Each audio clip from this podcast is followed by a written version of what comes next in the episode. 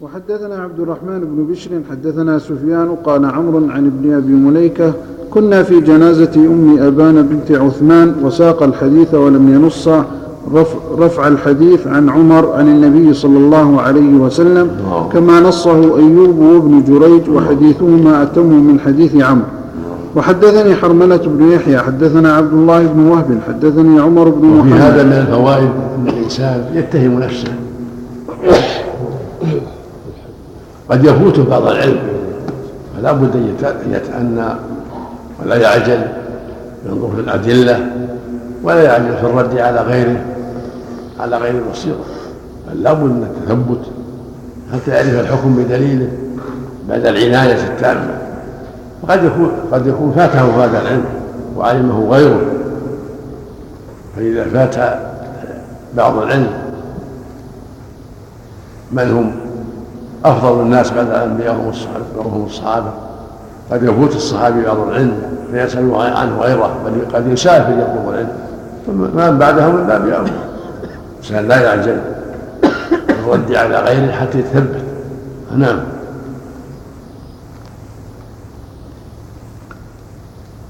وحدثني حرملة بن يحيى حدثنا عبد الله بن وهب حدثني عمر بن محمد أن سالما حدثه عن عبد الله بن عمر رضي الله عنهما أن رسول الله صلى الله عليه وسلم قال إن الميت يعذب ببكاء الحي. وحدثنا خلف بن هشام وأبو الربيع الزهراني جميعا عن حماد. قال خلف حدثنا حماد بن زيد عن هشام بن عروة عن أبيه. قال ذكر عند عائشة قول ابن عمر الميت يعذب ببكاء أهله عليه. فقالت رحم الله أبا عبد الرحمن سمع شيئا فلم يحفظه. إنما مرت على رسول الله صلى الله عليه وسلم جنازة يهودي وهم يبكون عليه. فقال أنتم تبكون وإنه ليعذب. حدثنا أبو كريب حدثنا أبو أسامة عن هشام عن أبيه قال ذكر عند عائشة أن ابن عمر يرفع إلى النبي صلى الله عليه وسلم إن الميت يعذب في قبره ببكاء أهله عليه. فقالت وهل إنما قال رسول الله صلى الله عليه وسلم إنه ليعذب بخطيئته أو بذنبه وإن أهله ليبكون عليه الآن. وذاك مثل قوله إن رسول الله صلى الله عليه وسلم قام على القليب يوم بدر وفيه قتلى بدر من المشركين. فقال لهم ما قال إنهم ليسمعون ما أقول وقد وهل وإنما قال إنهم ليعلمون أن ما كنت أقول لهم حق. ثم قرأت إنك لا تسمع الموتى وما أنت بمسمع من في القبور. يقول حين تبوأوا مقاعدهم من النار. هذا مما وهمت فيه أيضا لأن هذا خاص خبر خاص. والآية تسمع الموتى أمر أمر عام. ولكن الله أسمع أهل القريب ما فيه توبيخهم وتقريعهم. هل علمتم ما قلت أن ما قلت لكم حق؟ فقالوا يا رسول الله وفي لفظ الله هل وجدتم ما وعدكم حقا؟ فإني قد وجدت ما وعدني ربي حقا. قالوا يا رسول إنك تكلم قوما قد جيبوا. قال ما أنتم بأسمع لما أقول منهم ولكنهم لا يستطيعون أن يجيبوا. هذا هذا معنى خاص وإسماع خاص نعم. وحدثنا أبو بكر بن أبي شيبة حدثنا وكيع حدثنا هشام بن عروة بهذا الإسناد بمعنى حديث أبي أسامة وحديث أبي أسامة أتم. وحدثنا قتيبة بن سعيد عن مالك بن أنس فيما قرئ عليه عن عبد الله بن أبي بكر عن أبيه عن عمرة بنت عبد الرحمن أنها أخبرته أنه أنها سمعت عائشة رضي الله عنها وذكر لها أن عبد الله بن عمر يقول إن الميت ليعذب ببكاء الحي. فقالت عائشة يغفر الله لأبي عبد الرحمن أما إنه لم يكذب ولكنه نسي أو أخطأ. إنما مر رسول الله صلى الله عليه وسلم على يهودية يبكى عليها فقال إنهم ليبكون عليها وإنها لتعذب في قبرها. حدثنا أبو بكر بن أبي شيبة حدثنا وكيع عن سعيد بن عبيد الطائي ومحمد بن قيس عن علي بن ربيعة قال أول من نحي عليه بالكوفة قرضة بن كعب فقال المغيرة بن شعبة سمعت رسول الله. فرس الله إليك. نعم. قد يصاب الإنسان بحادث سيارة أو بحريق مثلا ويبكي بكاء شديدا فيه نوع صوت قوي. هل يعتبر هذا نياحة؟ كان يعني يصاب الإنسان بحريق أو بكسر أو بحادث سيارة فيبكي بكاء بقوة بشدة الألم. هل يقال هذا لا هذا البكاء النهي الميت أما كون الإنسان يبكي من مصيبة أصابته ما ما يدخل في هذا.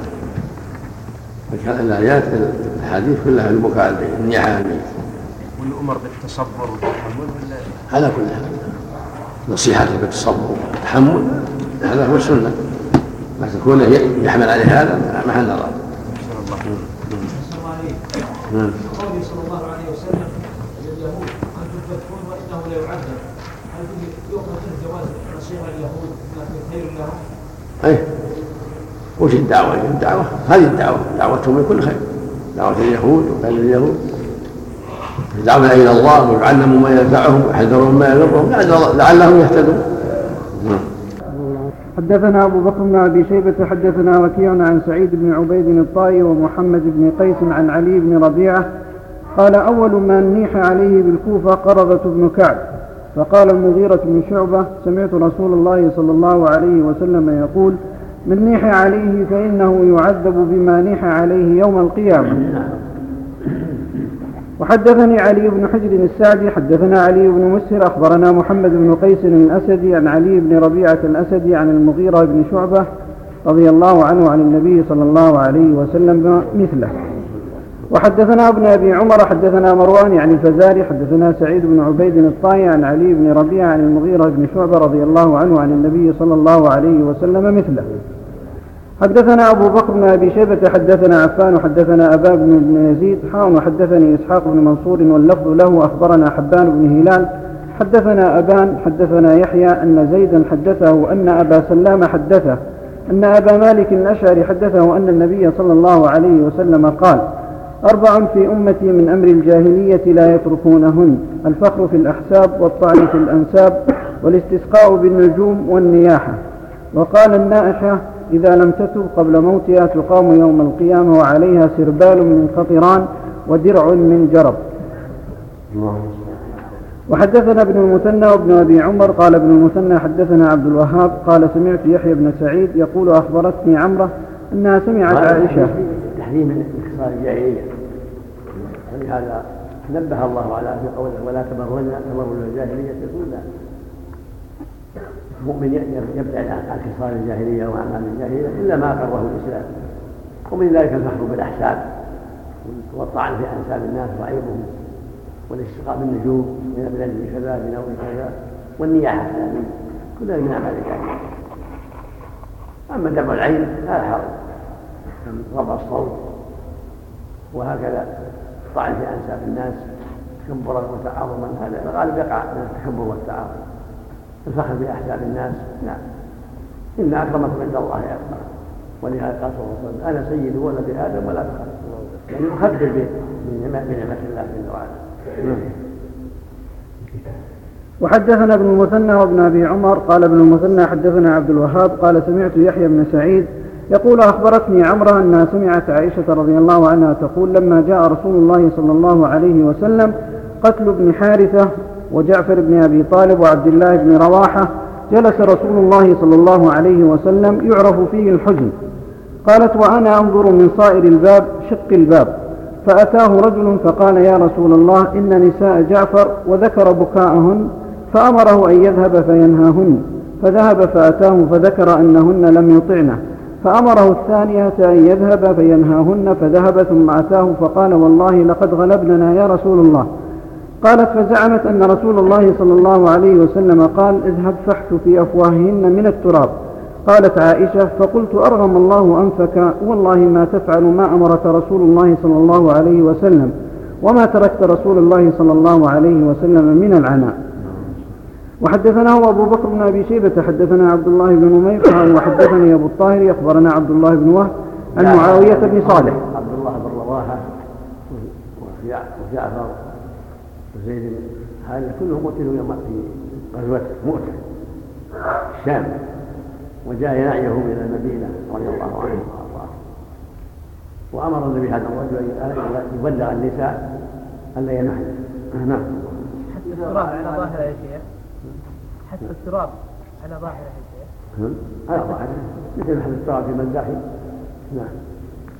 من باب التعزيز نعم. حاول وحدثني أحمد بن إبراهيم الدورقي حدثنا عبد الصمد حدثنا عبد العزيز يعني بن مسلم.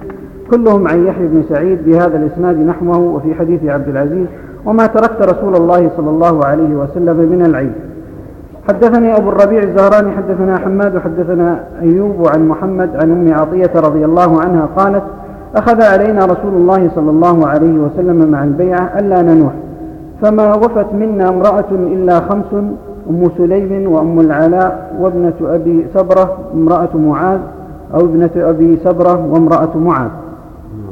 وحدثنا إسحاق بن إبراهيم أخبرنا أسباط حدثنا هشام عن حفصة عن أم عطية رضي الله عنها قالت أخذ علينا رسول الله صلى الله عليه وسلم في البيعة ألا تنحن فما وفت منا غير خمس منهن أم سليم وحدثنا أبو بكر بن أبي شيبة وزهير بن حرب وإسحاق بن إبراهيم جميعا عن أبي معاوية قال زهير حدثنا محمد بن حازم حدثنا عاصم.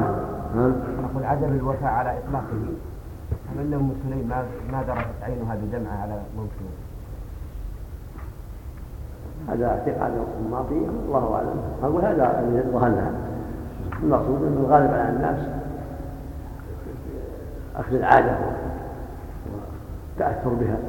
من عادة النساء النياح على اقاربهن نعم واذا أخذ عليهن في البيعة لا ينحن نعم عن حفصة عن أم عطية رضي الله عنها قالت لما نزلت هذه الآية يبايعنك على أن لا يشركن بالله شيئا. ولا يعصينك في معروف. قالت كان منه النياحة قالت فقلت يا رسول الله إلا آل فلان فإنهم كانوا أسعدوني في الجاهلية فلا بد لي من أن أسعدهم. فقال رسول الله صلى الله عليه وسلم إلا آل فلان. فقال رسول الله صلى الله عليه وسلم إلا آل فلان. إلا آل فلان؟ نعم. نعم. حدثنا يحيى بن أيوب حدثنا ابن علية أخبرنا أيوب عن محمد بن سيرين قال قالت ام عطيه رضي الله عنها كنا ننهى عن اتباع الجنائز ولم يعزم علينا. وحدثنا أبو بكر بن أبي شيبة حدثنا أبو أسامة وحدثنا إسحاق بن إبراهيم أخبرنا عيسى بن يونس كلاهما عن هشام عن حفصة عن أم عطية رضي الله عنها قالت نهينا عن اتباع الجنائز ولم يعزم علينا. وهذا فيه النهي عن اتباع الجنائز وأن النساء لا يتبعنها إلا في المقابر. ولم يعزم علينا لأن لم يظهر لها أن جاء فيه وعيد. وإنما فيه النهي ويكفي النهي. أصل النهي التحريم. لأن عورة لأنهن عورة وفتنة فلا يجوز لهن اتباع الجنازة للمقابر أما الصلاة على الميت يصلين على الميت مع الناس.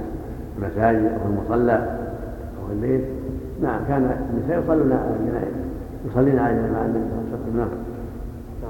الحديث السابق إلا آل فلان هذا استثناء. نعم. استثناء جواز النياحة عليهم؟ كان في لهم لما كانوا قنعوا مع أمرها أن تفيهم باب المقابلة. الملكية استدلوا بهذا الحديث على أن النهي هنا نهي يعني نهي تكريم وليس نهي محرم وإذا كان سمح لا لا استقرت استقرت الشريعة. هو استقرت الشريعة. هذا كان قبل أن تستقر الشريعة. واستقرت الشريعة في منع النوح وأن النبي فعل بما يناح عليه.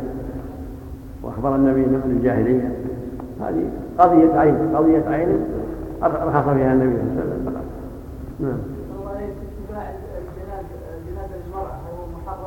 نعم. هذا هو الأصل في النهي.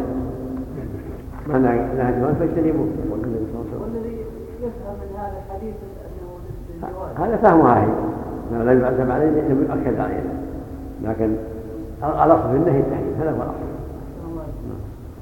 وحدثنا يحيى بن يحيى أخبرنا يزيد بن زريع عن أيوب عن محمد بن سيرين عن أم عطية رضي الله عنها قالت دخل علينا النبي صلى الله عليه وسلم ونحن نغسل ابنته فقال اغسلنها ثلاثا أو خمسا أو أكثر من ذلك إن رأيتن بماء وسدر واجعلن في الآخرة كافورا أو شيئا من كافور. فإذا فرغتن فآذنني فلما فرغنا آذناه فألقى إلينا حقوه فقال أشعرنها إياه. وحدثنا يحيى بن يحيى أخبرنا يزيد بن زريع عن أيوب عن محمد بن سيرين عن حفصة عن بنت سيرين عن أم عطية رضي الله عنها قالت نشطناها ثلاثة قرون. وحدثنا قتيبة بن سعيد عن مالك بن أنس. هذا هو السنة الميت ماء وسدر وكرر الغسل ثلاث أو خمس على حسب الحاجة.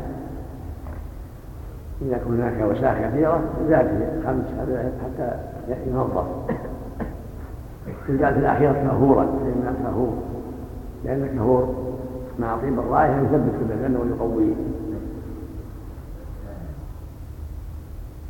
ويبدأ من مواضع الوضوء الوضوء ينجى الميت ويوضا وهو الشرعي ثم يعمر بالماء.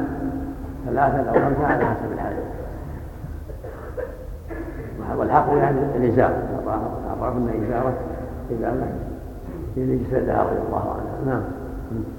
حال الشيخ النووي يقول في الشرح أن هذا بهذا الحديث دليل على التبرك باثار الصالحين. هذا غلط غلط. غلط من النووي هذا خاص بالنبي صلى الله عليه وسلم. نعم. وحدثنا أبو الربيع الزهراني. غلط نعم.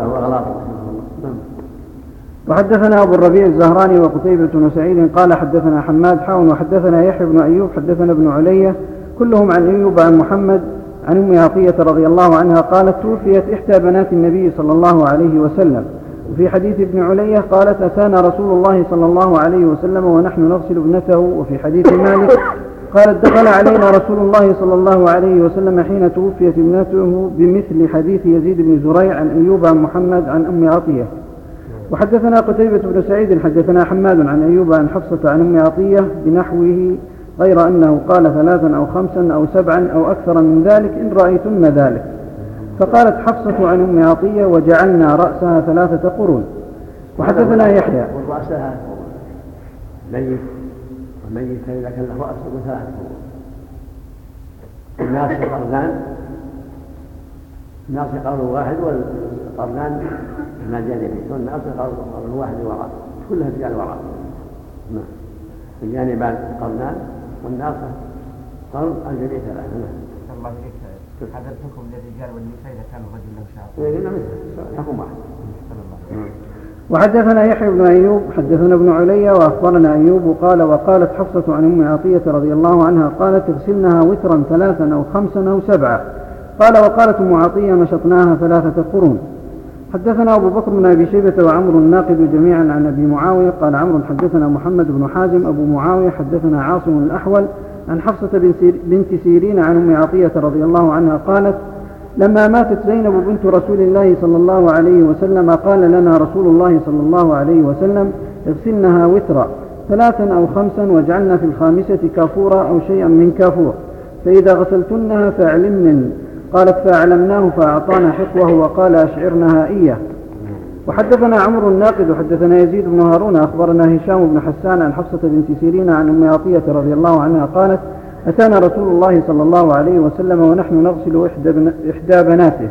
فقال اغسلنها وترا خمسا أو أكثر من ذلك بنحو حديث أيوب وعاصم. وقال في الحديث قالت فظفرنا شعرها ثلاثة أثلاث قرنيها وناصيتها. وحدثنا يحيى بن يحيى أخبرنا هشيم عن خالد عن حفصة بنت سيرين عن أم عطية رضي الله عنها أن رسول الله صلى الله عليه وسلم حيث أمرها أن تغسل ابنته قال لها ابدأن بميامنها ومواضع الوضوء منها.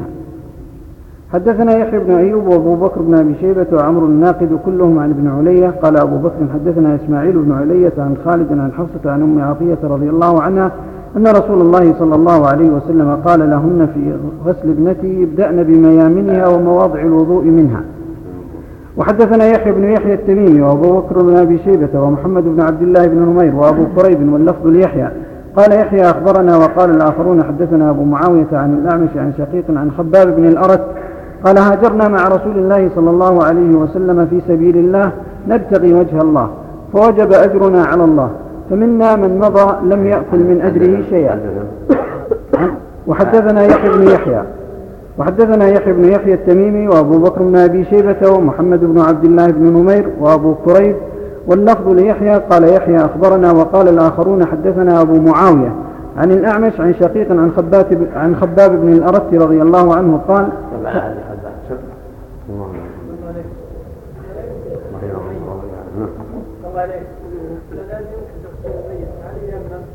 نعم. إذا ما تيسر؟ يمنع وجهه كفيه مثل الوضوء للصلاة ومثل الجنابة إذا لم يتيسر يجمع وجهه وكفيه بالنية عن رسول الله. الله يليكم إذا بعض حوادث السيارات. يكون الميت متقطع أجزاء فهل ييمم ولا يقال يغسل ولو كان ما يضر؟ من أمكن تغسيله فلا بأس ولا يمنع إذا كان الماء قد يذهب بقطعة منه لا يمنع أما إن كان قطعة متلازمة متماسكة نسأل الله العافية. نعم. ما أعرف. أقول لا أذكر. لكن القرآن كلام الله نعم نعم الصاحب ونعم القريب. ينبغي لطالب العلم وغير طالب العلم ان يكثر من قراءته يقول جل وعلا إلا هذا قرآن يهدي للتي هي ويقول جل وعلا كتاب أنزلناه إليك مبارك ليدبروا آياته. ويقول صلى الله عليه وسلم من قرأ حرفا من القرآن فله بحسنة والحسنة بعشر أمثالها ويقول اقرأوا القرآن فهو يأتي شفيعا لأصحابه يوم القيامة. ينبغي لطالب العلم ولكل مؤمن الإكثار من قراءة القرآن. لكن بالتدبر والتعقل حتى يستفيد حتى يخشع قلبه. نعم. أيهما أولى أحسن الله إليك لطالب العلم والمسلم بشكل عام الحفظ أم التلاوة بالتدبر؟ التدبر القراءة بالتدبر أولى لأن قد يشتغل بالحفظ ولا يسوي شيء. لكن إذا تيسر له القراءة من المصحف مع التدبر يخشى قلبه أولى أما إذا تيسر الحفظ فنعمة كبيرة لكن ينظر ما هو أصلح لقلبه. فإذا كان قراءة بالمصحف فيه تدبر وخشوع والتأثر يقرأ من المصحف. عفى الله عنك بعض الإخوان إذا دعوا إلى مجالس العلم وحضورها عند أهلها. قال سأبدأ أولا بحفظ القرآن ثم إذا حفظت أبدأ بالعلم يحضر مجالس العلم له أوقات. يحضر مجالس العلم ويتعلم والحفظ له أوقات. نعم. نعم. إذا دعت الحاجة إليه للعلاج لا قصدي هذه يغسل لا لا. يغسل يدفع المشي نعم نعم. هذا رياض طيبة هو الله إليك في آخر الزمان يحدث فتن فتطلع الليل المظلم احذرها احذرها احذرها. عليك بالحذر. عليك بالحذر. نعم.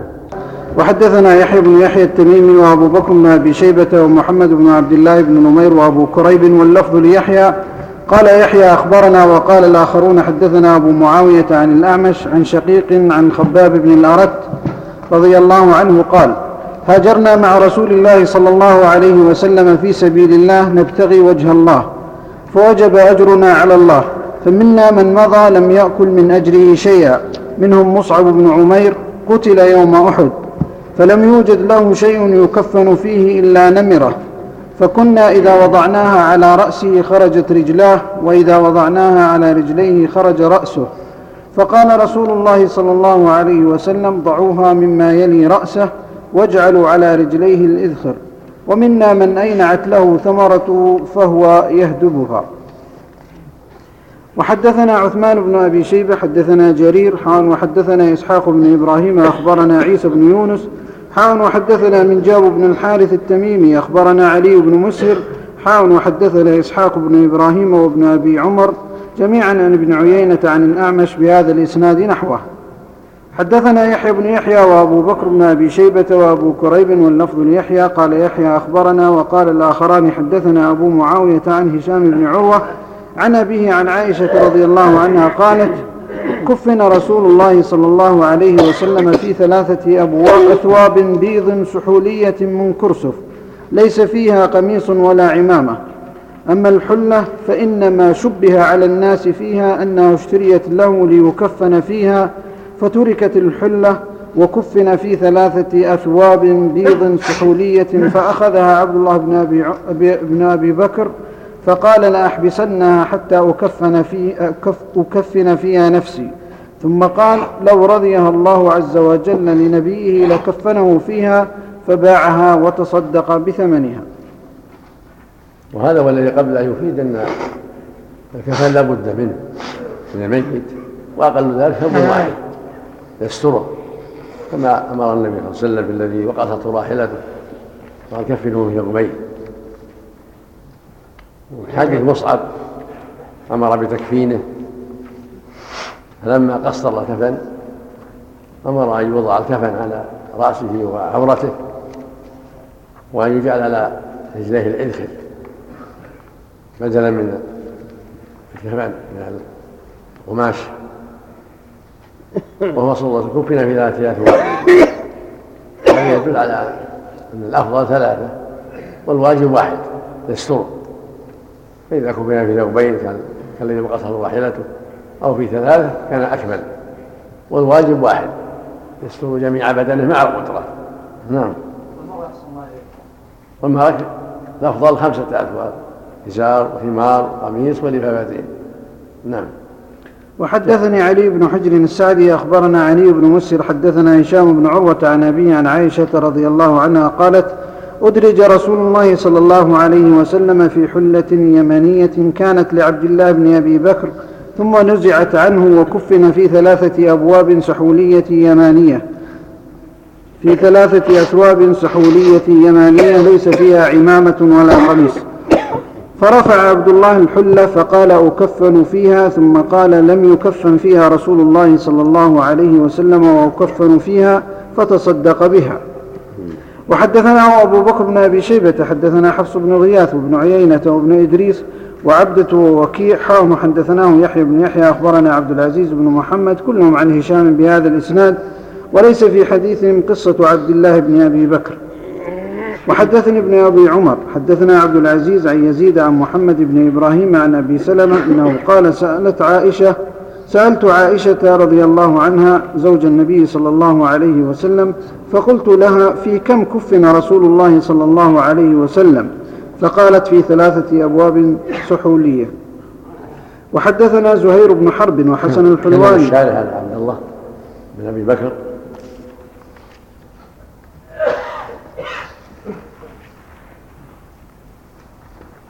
ما رأيت نعم. شرح الثاني يقول شرح المسلم الثاني يقول لفظي. نعم. نعم. كان شيء كان قال شيء لم يختره الله لرسوله ما به تصدق بها له. حلة له. نعم. نعم. وحدثني ابن أبي عمر حدثنا عبد العزيز عن يزيد عن محمد بن إبراهيم عن أبي سلمة أنه وحدثنا وحدثنا زهير بن حرب وحسن الحلواني وعبد بن حميد قال عبد أخبرني وقال الآخران حدثنا يعقوب وهو ابن إبراهيم بن سعد حدثنا أبي عن صالح عن ابن شهاب أن أبا سلمة بن عبد الرحمن أخبره أن عائشة أم المؤمنين رضي الله عنها قالت سجي رسول الله صلى الله عليه وسلم حين مات بثوب حبرة, حبرة.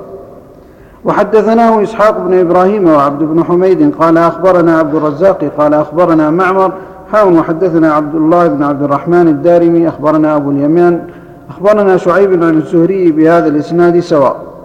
حدثنا هارون بن عبد الله وحجاج بن الشاعر قال حدثنا حجاج بن محمد قال قال ابن جريج أخبرني أبو الزبير أنه سمع جابر بن عبد الله رضي الله عنهما يحدث أن النبي صلى الله عليه وسلم خطب يوما فذكر رجلا من أصحابه قبض فكفن في كفن غير طائل وقبر وقبر ليلا فزجر النبي صلى الله عليه وسلم أن يقبر الرجل بالليل حتى يصلى عليه إلا أن يضطر إنسان إلى ذلك.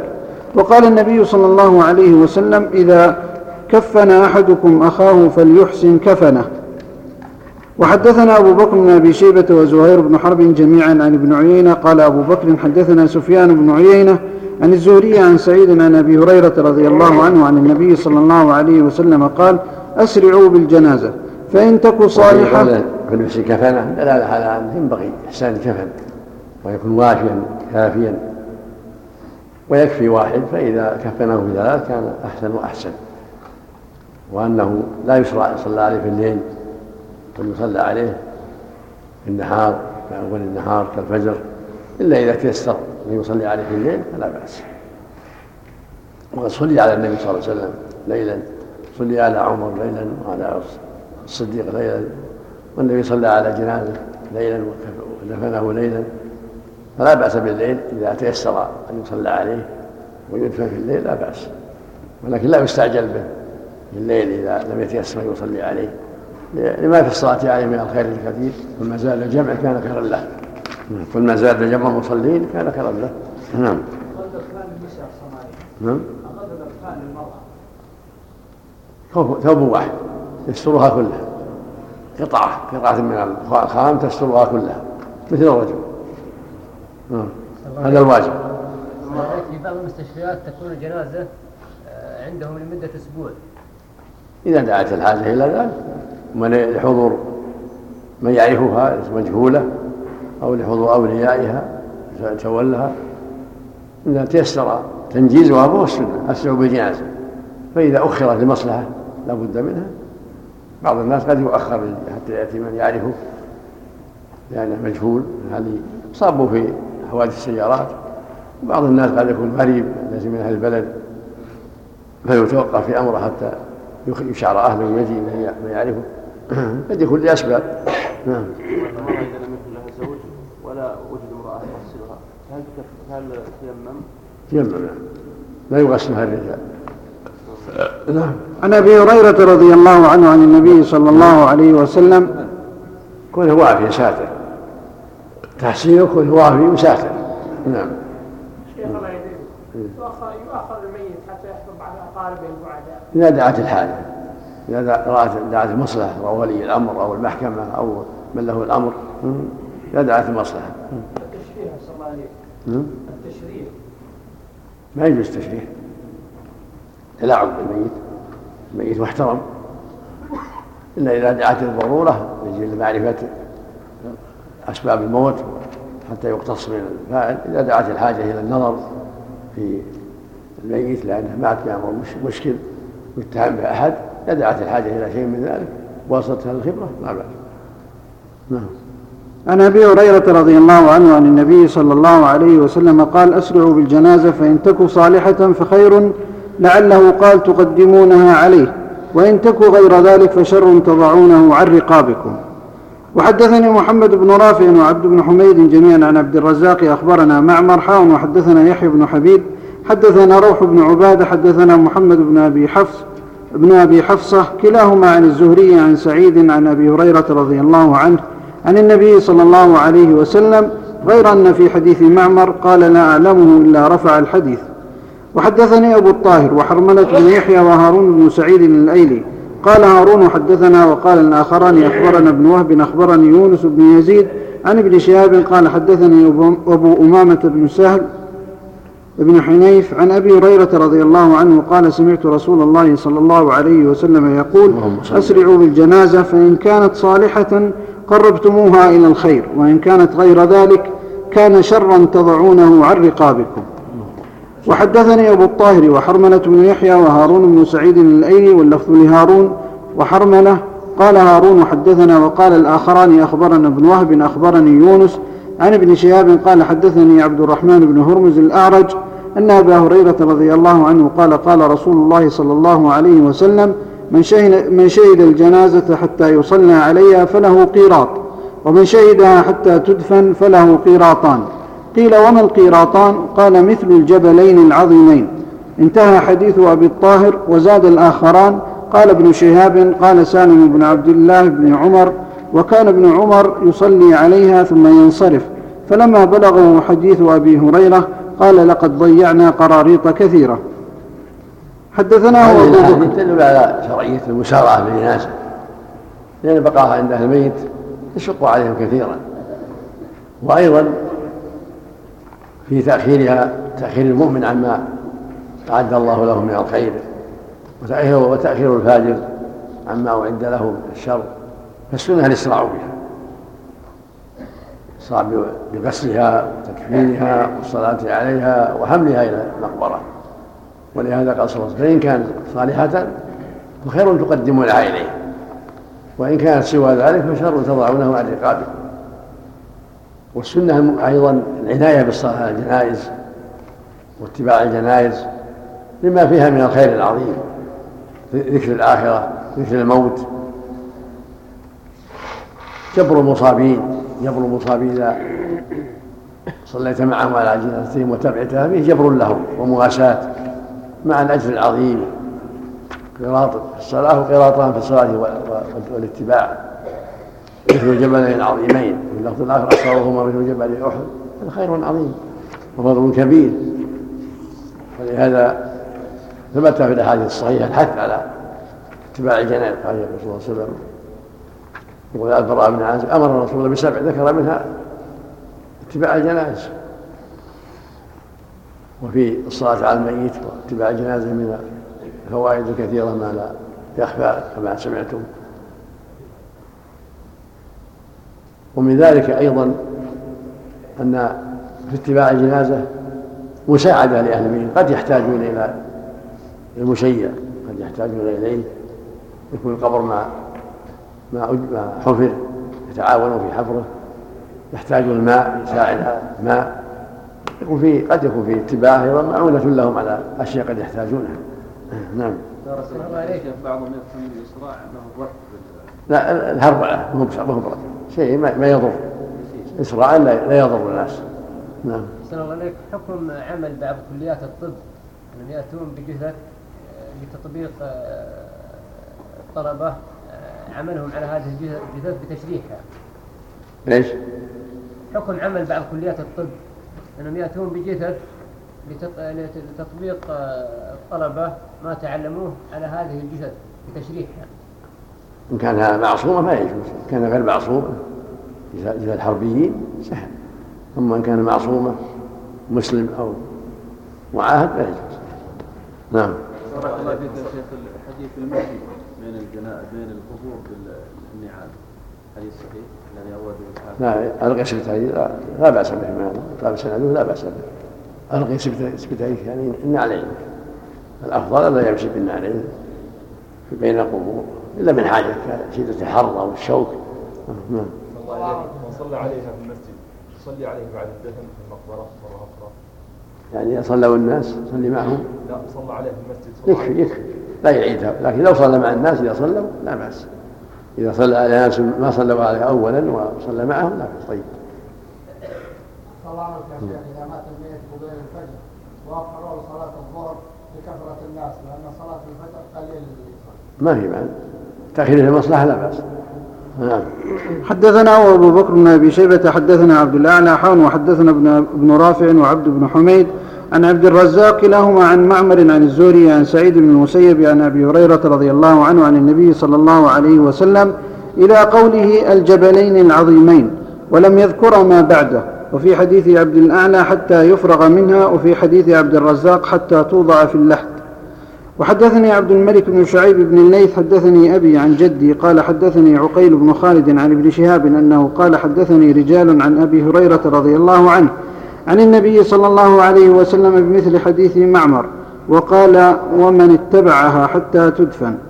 وحدثني محمد بن حاتم حدثنا بهز حدثنا وهيب حدثني سهيل, سهيل عن أبيه عن أبي هريرة رضي الله عنه عن النبي صلى الله عليه وسلم قال من صلى على جنازة ولم يتبعها فله قيراط فإن تبعها فله قيراطان. قيل وما القيراطان؟ قال أصغرهما مثل أحد.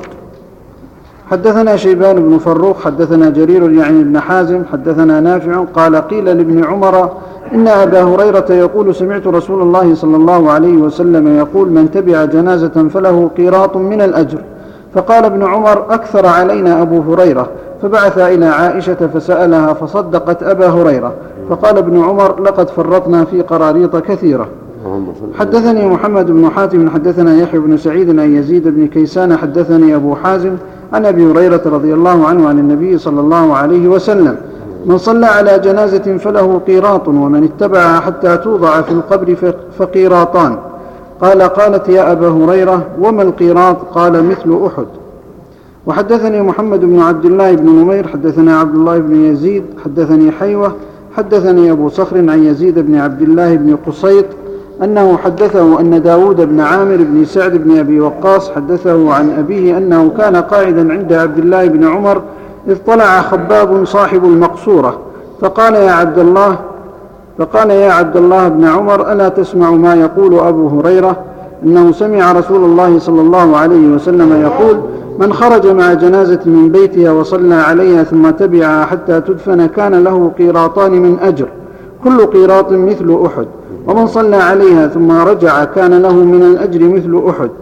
فأرسل ابن عمر خبابا إلى عائشة يسألها عن قول أبي هريرة ثم يرجع إليه فيخبره ما قالت وأخذ ابن عمر قبضة من حصى المسجد يقلبها في يده حتى رجع إليه الرسول فقال قالت عائشة صدق أبو هريرة فضرب, فضرب ابن عمر بالحصى الذي كان في يده الأرض ثم قال لقد فرطنا في قراريط كثيرة هذا قيد عفى الله عنك. قيد من خرج مع جنازة من بيتها لا مو قيد على حسب على حسب التيسير الحاجة العامة. ولا حاجة عامة. نعم.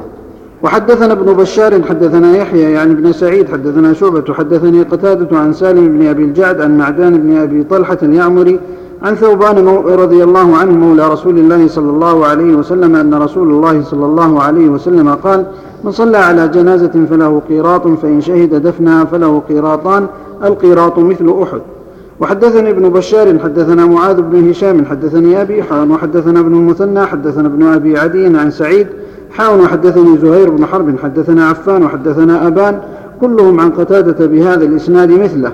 وفي حديث سعيد وهشام سئل النبي صلى الله عليه وسلم عن القراط فقال مثل أحد. حدثنا الحسن بن عيسى حدثنا ابن المبارك أخبرنا سلام بن أبي مطيع عن أيوب عن أبي قلابة عن عبد الله بن يزيد رضيع عائشة عن عائشة رضي الله عنها عن النبي صلى الله عليه وسلم قال ما من ميت تصلي عليه أمة من المسلمين يبلغون مئة كلهم يشفعون له إلا شفعوا فيه. ما من ما من. ما من ميت تصلي عليه أمة من المسلمين يبلغون مئة كلهم يشفعون له إلا شفعوا فيه. قال فحدثت به شعيب بن الحبحاب فقال حدثني به أنس بن مالك عن النبي صلى الله عليه وسلم. حدثنا هارون بن معروف وهارون بن سعيد الأيلي والوليد بن شجاع السكوني قال الوليد حدثني وقال الآخران حدثنا ابن وهب أخبرني أبو صخر عن شريك بن عبد الله بن أبي نمر عن كريب مولى بن عباس عن عبد الله بن عباس رضي الله عنهما أنه مات ابن له بقديد أو بعسفان فقال يا كريب انظر ما اجتمع له من الناس. قال فخرجت فإذا ناس قد اجتمعوا له فأخبرته فقال تقول هم أربعون؟ قال نعم. قال أخرجوه فإني سمعت رسول الله صلى الله عليه وسلم يقول ما من رجل مسلم يموت فيقوم على جنازته أربعون رجلا لا يشركون بالله شيئا إلا شفعهم الله فيه. وفي رواية ابن معروف عن شريك بن أبي نمر عن كريب عن ابن عباس. وحدثنا يحيى بن أيوب. وهذا يدل على مزيد فضل من الله أن الله جل وعلا ذكر مئة ثم ذكر أربعين. ما من ميت يقوم يقوم على جنازة أمة من الناس يبلغون مئة كلهم يشفعون فيه إلا شفعهم الله فيه. ثم إنه تفضل جل وعلا وجعل دون ذلك كما في حديث ابن عباس. ما من ميت مسلم صلي على الناس أربع رجلا لا يشركون بالله شيء إلا شفعهم الله فيه. هذا من فضله جل وعلا ورحمته سبحانه وتعالى. نعم. الله إليك قوله لا يشركون بالله شيئا. نعم. قوله لا يشركون بالله شيئا يحمل على الشرك الأكبر أو الأصغر. هو الأقرب عند الإطلاق الشرك الأكبر. نعم. أحسن الله إليك. نعم. كيف نجمع بين حديث نعم. مسلم أن الذي سأل السيدة عائشة خباب والبخاري يقول قال عروة يا أماه أتسمعين ما يقول الناس؟ كيف يجمع بين يجمع بين الروايتين؟ إيش؟ في, في رواية البخاري أن الذي سأل السيدة عائشة عروة قال يا أماه أتسمعين الناس؟ وفي رواية مسلم الذي سألها خباب كيف يجمع بينهما؟ عندكم وقع هذا وهذا. ما هذا مانع نعم. أحسن الله إليك. قول نعم. لعائشة أم المؤمنين رضي الله عنها السيدة. ما في بس سيدة فقيهة سيدة فقيه. مثل ما قال النبي صلى الله عليه وسلم في الحسن إن ابني هذا سيد. يعني رجل فقيه صالح. نعم. الله. نعم. الله عمرك يا شيخ الله عمرك في بعض الموتى خاصة الحادث بالسيارات إذا كان يعتبر يطلب بعض الأطباء من أولياء أن يتبرع بعينه وكفه لينقذ أنفس أخرى هل هذا جائز؟ إيش؟ يقول بعض الموت أحسن الله عمل خاصة الحاج. حوادث السيارات. إذا احتضر الميت وبلغهم الطبيب أنه في حالة احتضار وطلب من أوليائه أن يتبرعوا بعينه وقلبه ينقذ أنفس أخرى؟ هل هذا جائز؟ في خلاف بين العلماء والصواب إنه لا ينبغي. الذي نرجح أنه لا ينبغي ولا يعبث بالميت ولا يتعرض له. الميت محترم ولا ينبغي التعرض له لا بأخذ عينه ولا بأخذ لسانه ولا أذنه ولا غير ذلك. نعم. وحدثنا يحيى بن أيوب وأبو بكر بن أبي شيبة وزهير بن حرب وعلي بن حجر السعدي كلهم عن ابن عليا واللفظ ليحيى قال حدثنا ابن علية أخبرنا عبد العزيز بن صهيب عن أنس بن مالك رضي الله عنه قال مر بجنازة فأثني عليها خير. فقال نبي الله